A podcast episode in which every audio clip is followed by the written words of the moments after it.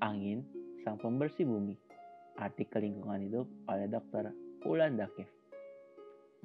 Bumi yang merupakan salah satu planet terkecil di tata surya kita ini telah menjadi rumah bagi sekitar 7 miliar manusia dengan perkiraan usianya sekitar 4,5 miliar tahun. Bumi pun menjadi satu-satunya planet yang kita kenal yang mendukung adanya kehidupan. Faktanya, ia memiliki begitu banyak kehidupan Bahkan manusia sendiri tidak tahu secara tepat berapa banyak spesies flora dan fauna yang menjadikan bumi sebagai rumah mereka. Meskipun para ilmuwan telah mengidentifikasi sebanyak 2 juta spesies makhluk hidup, namun Yayasan Nasional Tree of Life memperkirakan bahwa jumlah makhluk hidup yang sesungguhnya adalah antara 5 juta hingga 100 juta spesies. Beberapa ahli entomologi mengatakan bahwa sebenarnya Hingga saat ini, pemahaman kita tentang kehidupan binatang hanya menyentuh bagian permukaannya saja. Tentu saja, semua spesies ini bergantung pada adanya energi untuk bertahan hidup, dan sebagian besar dari mereka bergantung pada siklus pasokan energi yang dimulai dari proses pemanfaatan sinar matahari atau kita sebut dengan fotosintesis oleh tanaman yang kemudian diubahkan menjadi makanan dan oksigen bagi organisme hidup lainnya. Namun, matahari bukanlah satu-satunya cara bagi manusia untuk mendapatkan sumber energi dari alam. Penggunaan bahan bakar fosil sebagai sumber energi alternatif telah dimanfaatkan oleh manusia sejak masa revolusi industri. Sayangnya, penggunaan bahan bakar fosil ini telah berkontribusi pada perubahan iklim akibat ulah manusia sendiri. Dan seperti yang kita ketahui, telah mengancam semua kehidupan, ada sejumlah efek perubahan iklim, seperti mencairnya glaser, kenaikan suhu lautan, kekeringan dan kelaparan, serta sering terjadinya peristiwa cuaca yang cukup ekstrim. Perubahan iklim adalah salah satu tantangan terbesar yang harus dihadapi manusia. Pulau Macquarie Campur tangan manusia dapat mempengaruhi ekologi dengan berbagai cara yang dramatis. Sebagai contoh, Dampak tersebut terlihat pada sebuah kasus menarik yang terjadi di Pulau Macquarie di barat daya Samudra Pasifik. Setelah penemuan Pulau Macquarie pada tahun 1810, orang-orang membawa banyak kucing ke pulau itu untuk memakan tikus-tikus rumah dan tikus-tikus kor yang mengancam toko gandum milik para pelaut di sana. Kemudian, pada tahun 1878, kelinci diperkenalkan sebagai sumber makanan bagi para pelaut. Namun sayangnya, Kelinci-kelinci tersebut kemudian menjadi mangsa empuk bagi kucing-kucing di pulau itu, yang menyebabkan bertambahnya populasi kucing. Keberadaan kelinci-kelinci juga merusak vegetasi asli pulau tersebut. Selanjutnya, masyarakat memutuskan untuk mengurangi populasi kelinci melalui penyakit yang disebut myxomatosis, yang hanya akan berakibat fatal bagi kelinci. Penyakit itu bekerja dengan baik sehingga mampu mengurangi populasi kelinci dari jumlah puncaknya sekitar 130 ribu menjadi kurang dari 20 ribu ekor dan vegetasi atau kehidupan tanaman pun pulih.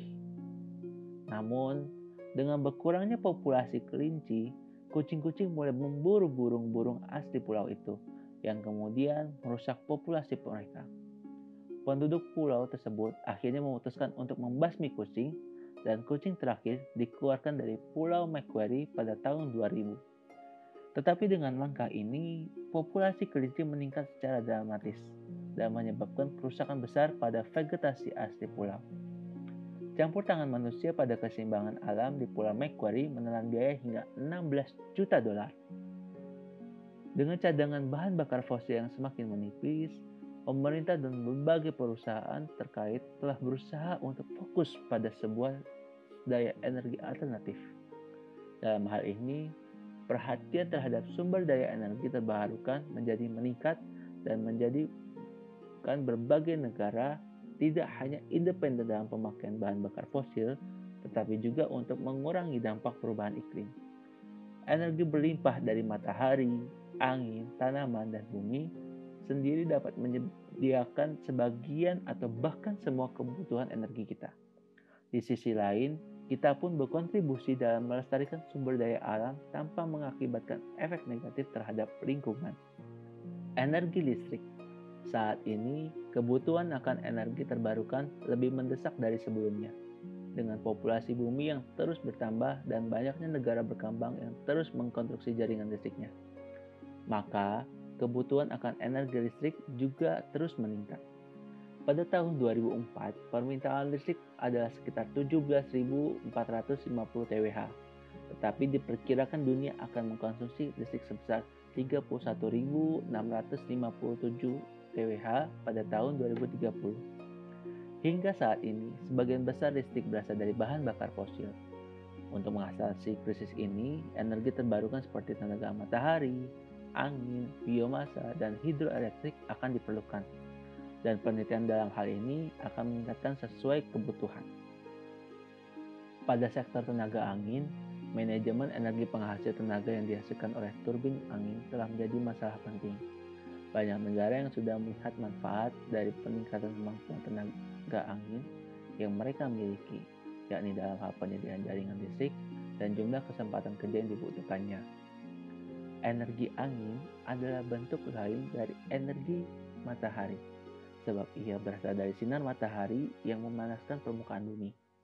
Oleh karena daratan lebih cepat menjadi hangat daripada permukaan air, udara hangat di atas daratan bergerak naik karena kepadatan udara hangat lebih ringan. Udara dingin dari permukaan laut bergerak ke darat untuk mengisi celah yang ditimbulkan oleh naiknya udara hangat. Penggantian ini membuat angin terbentuk. Itulah sebabnya kita sering merasakan angin di pantai atau tepian danau. Pergerakan angin yang sangat kuat akan mampu mendorong bilah turbin angin yang terhubung ke generator dan menghasilkan listrik. Karena rendahnya biaya penggunaan tenaga angin, maka energi angin menjadi sumber energi terbarukan dengan perkembangan tercepat di dunia.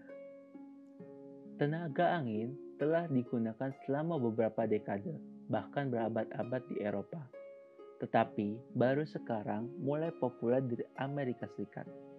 Pada bulan Maret 2009, Joe Biden, wakil presiden Amerika, mengumumkan rencana untuk menginvestasikan 3,2 miliar US dollar dalam proyek efisiensi dan konservasi energi di Amerika Serikat. Jika program ini diimplementasikan dengan benar, maka rencana ini dapat mengurangi permintaan konsumsi listrik hingga 50% di seluruh Amerika. Hal ini akan menghasilkan simpanan bersih lebih dari 500 miliar US dollar selama 20 tahun dan mengurangi emisi gas rumah kaca rumah kaca tahunan mereka yang setara dengan sejumlah 90 juta kendaraan bermotor. Penggunaan energi angin akan menjadi cara yang luar biasa dalam usahanya untuk memulai membersihkan bumi. Jika mempertimbangkan pertumbuhan populasi dan peningkatan permintaan energi di tahun-tahun mendatang, beralih pada energi angin adalah langkah yang tepat. Negara-negara seperti Amerika Serikat, Kanada, Denmark, Jerman, Turki, Australia, China, Jepang, dan Korea Selatan telah melakukan usaha-usaha dalam mengembangkan kebijakan energi yang mendukung diproduksinya turbin dan energi angin. Kebijakan ini dapat mencakup pula pada pengurangan atau pengecualian pajak, sistem kuota, atau penelitian. Oleh karena itu, kebijakan ini dapat membantu mengembangkan kesadaran akan industri energi angin dan membantu umat manusia menghentikan bencana iklim yang mungkin terjadi.